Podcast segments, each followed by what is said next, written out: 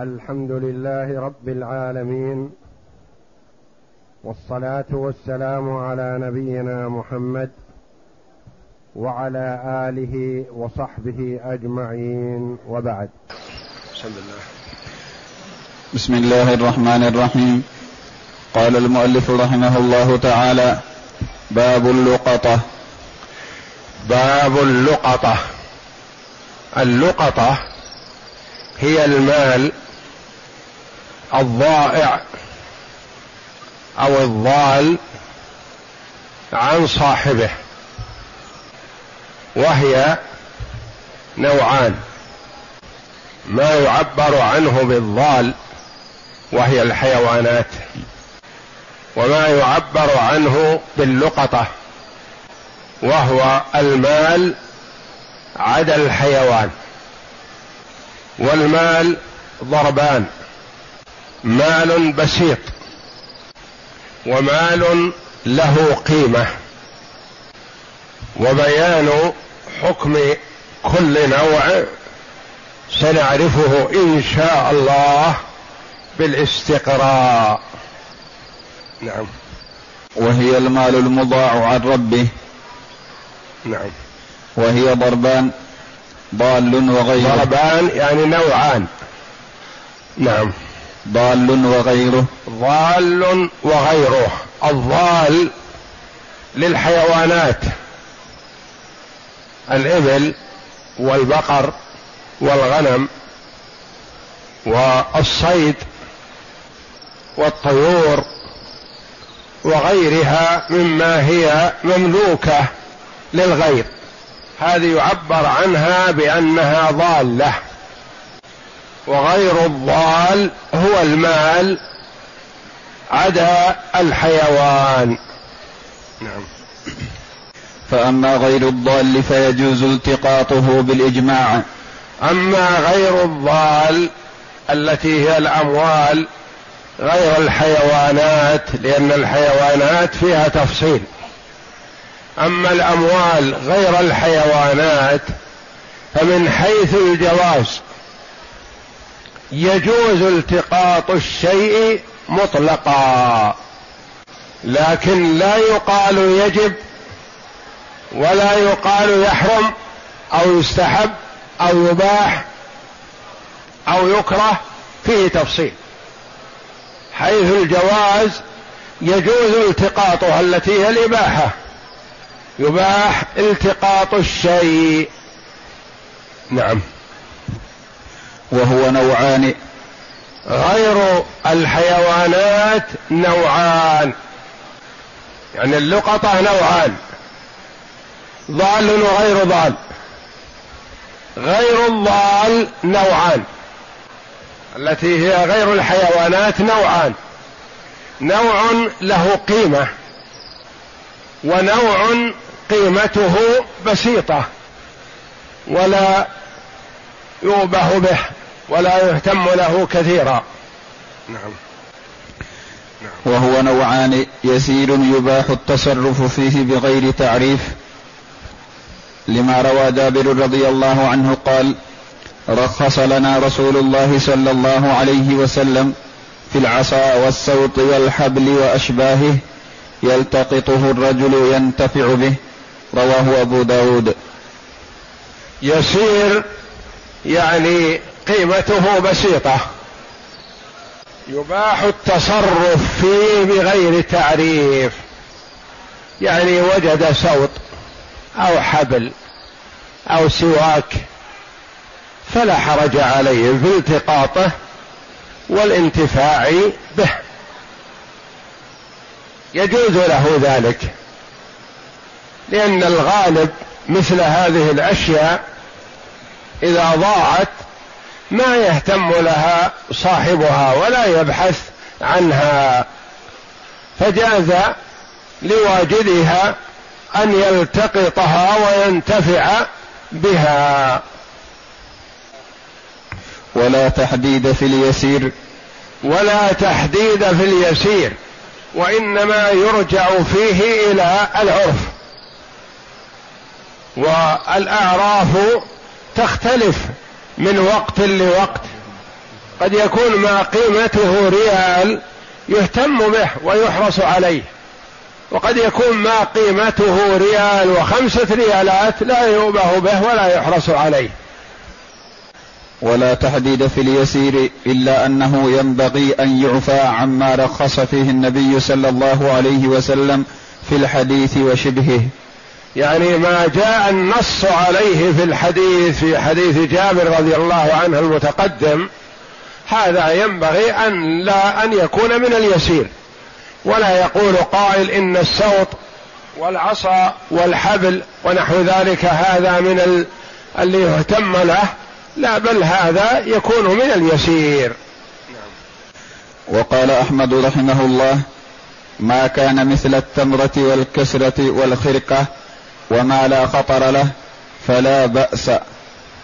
يعني هذه الأشياء البسيطة التمرة والكسرة من الخبز ونحو ذلك هذه ما تحتاج إلى تعريف ولملتقطها أن ينتفع بها. ويحتمل أن لا يجب تعريف ما لا يقطع فيه ما لا يقطع فيه السارق لأنه تافه. يقول رحمه الله ويحتمل أن الشيء الذي لا تقطع فيه اليد لا يلزم تعريفه. كأنه يريد أن يجعل الفرق بين اليسير وغير اليسير يقول ما تقطع فيه اليد ليس بيسير يهتم له. وما لا تقطع فيه اليد هذا يسير لا يهتم له. والنبي صلى الله عليه وسلم قال تقطع اليد في ثلاثة دراهم فصاعدا. وتقطع اليد في ربع دينار فصاعدا وربع الدينار ثلاثة دراهم لأن الدينار 12 درهم. في ثلاثة دراهم تقطع اليد. انظر إلى عناية وحرص الإسلام على حفظ الأموال. تقطع اليد التي قيمتها نصف الدية تقطع إذا سرقت ثلاثة دراهم. إذا سرقت ثلاثة دراهم تقطع. وقد اعترض بعضهم قال كيف فيما هو نصف الدية؟ فيها نصف الدية وتقطع في ثلاثة دراهم؟ أجيب قيل نعم. لما كانت أمينة كانت ثمينة غالية. ما يتساهل بها. لكن لما خانت هانت. صارت لا قيمة لها تقطع. لأنها يد خائنة فتقطع. ليستريح المجتمع من شرها. فتقطع اليد السارقة في ثلاثة دراهم. وثلاثة دراهم أقل من الريال السعودي. تقطع فيه اليد.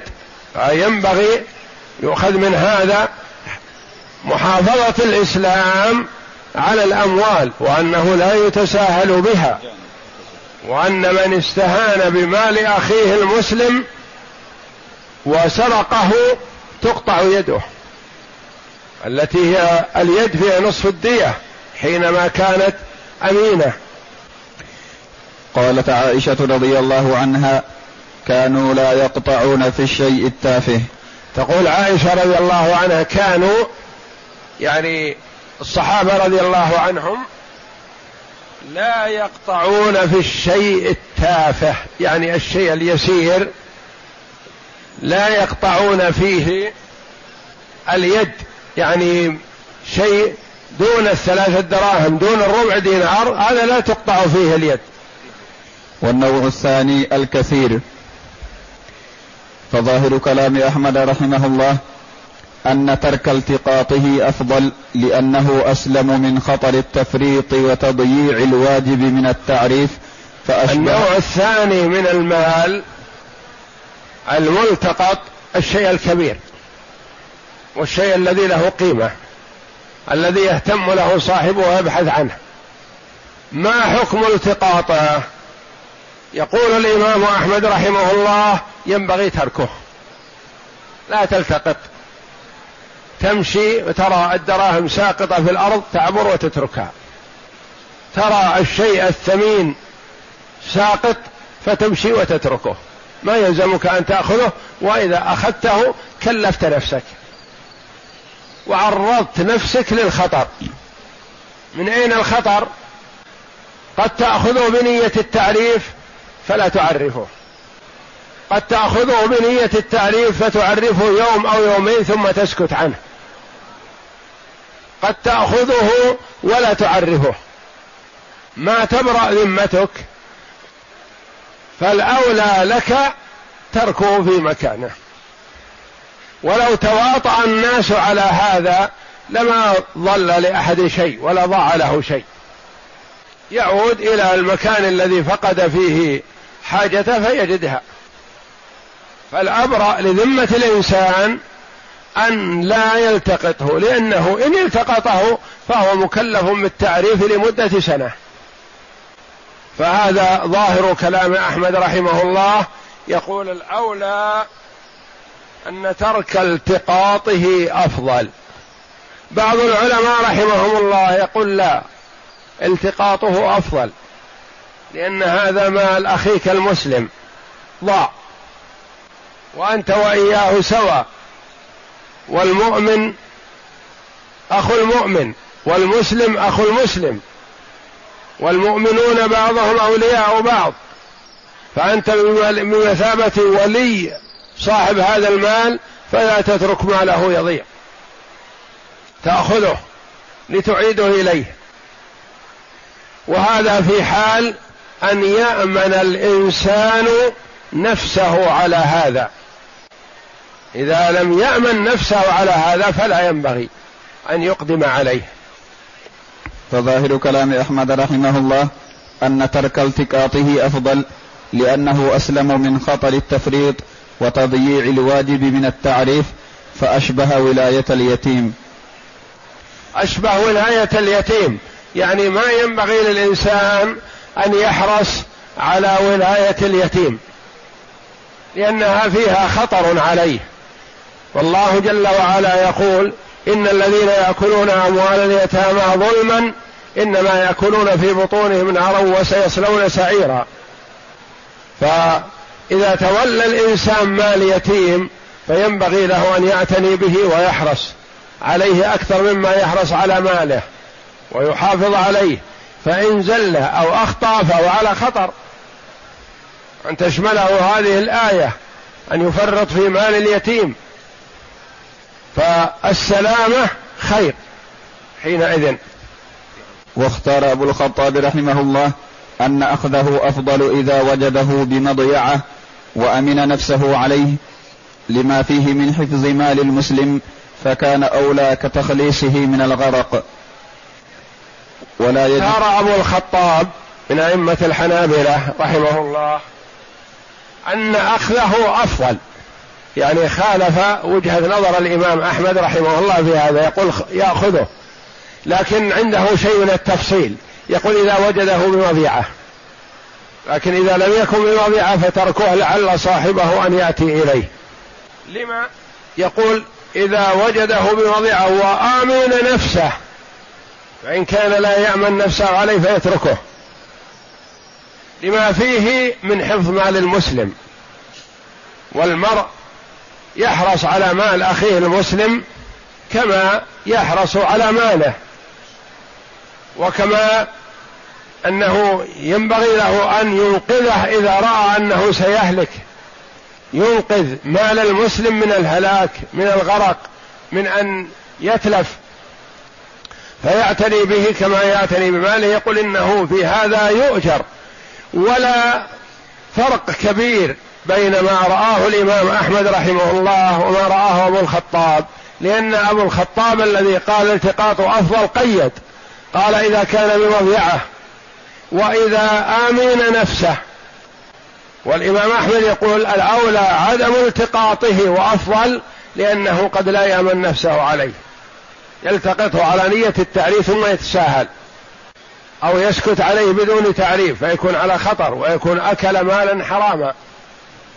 ولا يجب أخذه لأنه لا يجب أخذه. ما أحد يقول إنه يجب عليك أن تلتقط هذه اللقطة لا. إذا رأيت أنك تتخلص منها فخذها وتركها أولى لك وأسلم لأنك قد لا تتمكن من تأدية الواجب فيها. فتشق على نفسك في هذا فتركها في مكانها أولى ولا يجب أخذه لأنه أمانة فلم يجب كالوديعة. الأمانة ما يجب عليك أن تأخذها. جاءك صاحبك مثلا قال أنا أريد سفر وهذا ذهب نفيس عندي أو ذا قيمة شيء آخر غير الذهب أريد أن أودعك إياه. أجعله أمانة عندك وديعة عندك. تقفل عليه في الصندوق وتنتبه له. أخشى أن أتركه في داري فيسرق.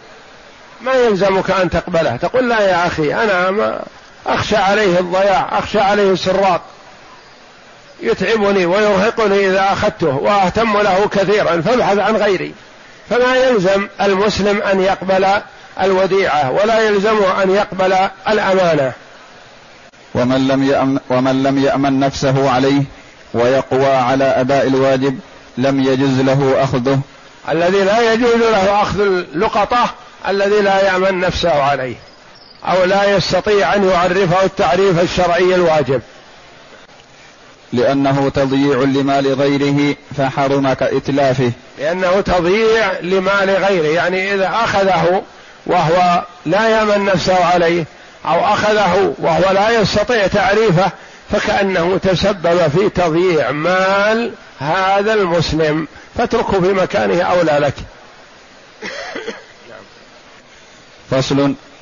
إذا أخذها عرف عفاصها وهو وعاؤها ووكاءها وهو الذي تشد به وجنسها وقدرها. لما روى زيد بن خالد الجهني رضي الله عنه قال سئل رسول الله صلى الله عليه وسلم عن لقطة الذهب والورق فقال أعرف وكاءها وعفاصها ثم عرفها سنة فإن لم تعرف فاستنفق فإن لم فإن لم تعرف فاستنفقها ولتكن وديعة عندك فإن جاء طالبها يوما من الدهر فادفعها إليه. متفق عليه. إذا أخذها ولولا له الترك لكن إذا قلنا أخذها يريد أن يحفظها. وجب عليه أن يعرف عفاصها العفاص الوعاء الذي تكون فيه.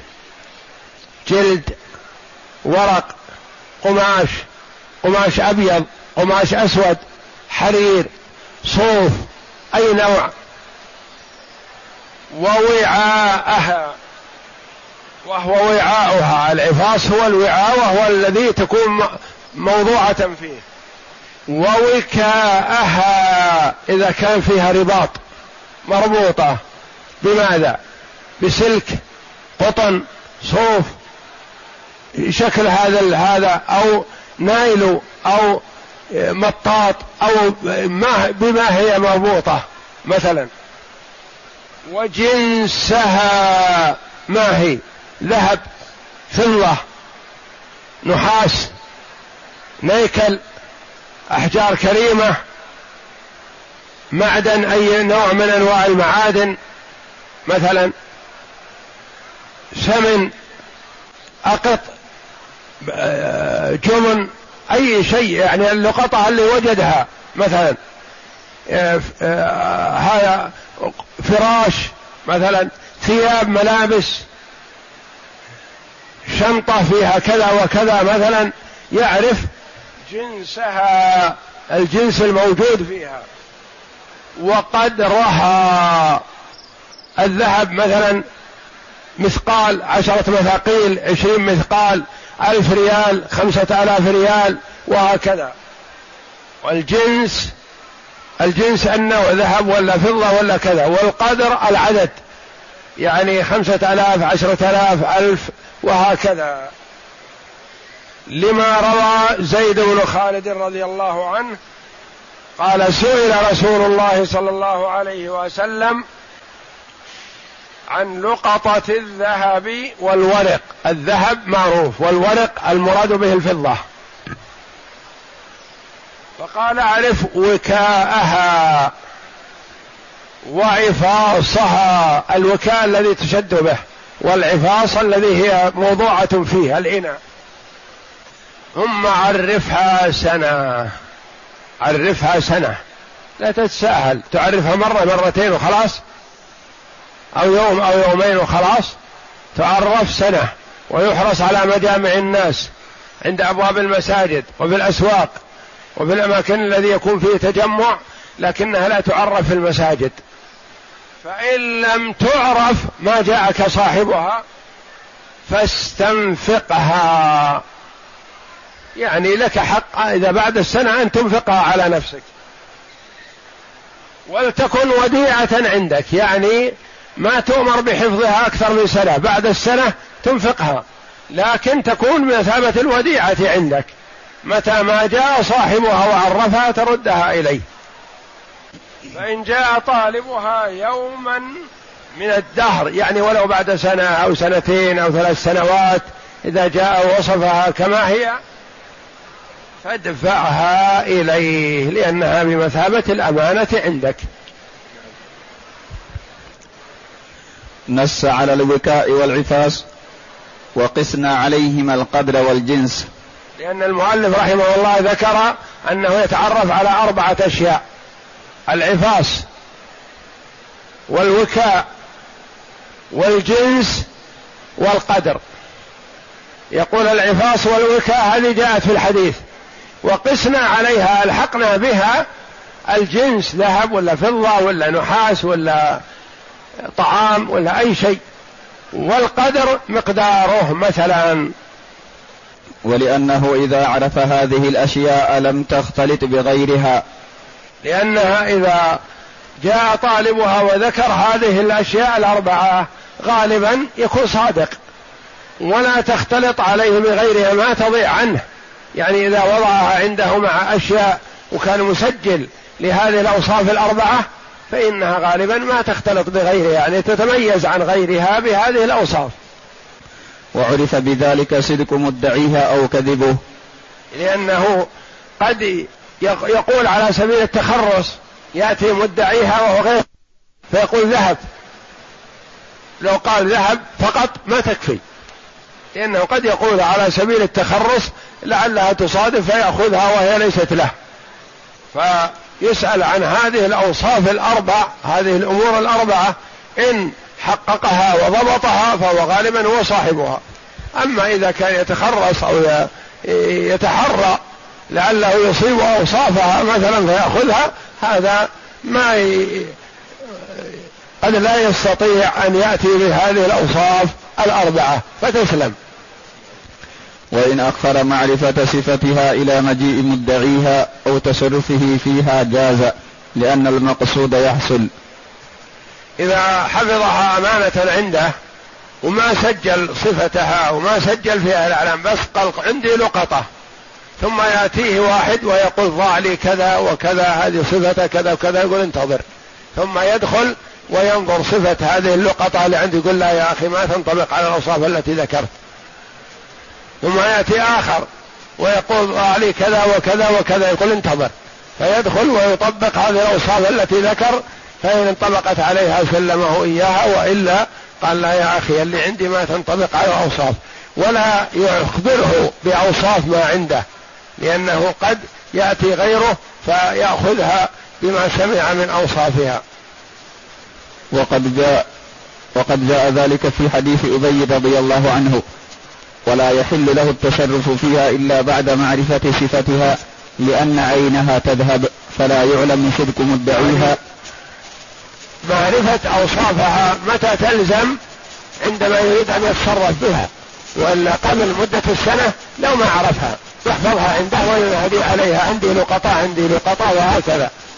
لكن متى يلزم معرفة الأوصاف؟ إذا أراد أن يتصرف بها حتى لا تشتبه بغيرها ولا تضيع. لأن عينها لأن عينها تذهب فلا يعلم صدق مدعيها إلا من حفظ صفتها. لابد أن تحفظ صفاتها حينئذ عند التصرف بها لأنها ستذهب تفقد. إذا كانت دراهم أو ذهب أو نحو ذلك سيتصرف فيها. فما يجوز له التصرف حتى يعرف أوصافها. والله أعلم. وصلى الله وسلم وبارك على عبده ورسول نبينا محمد وعلى آله وصحبه أجمعين.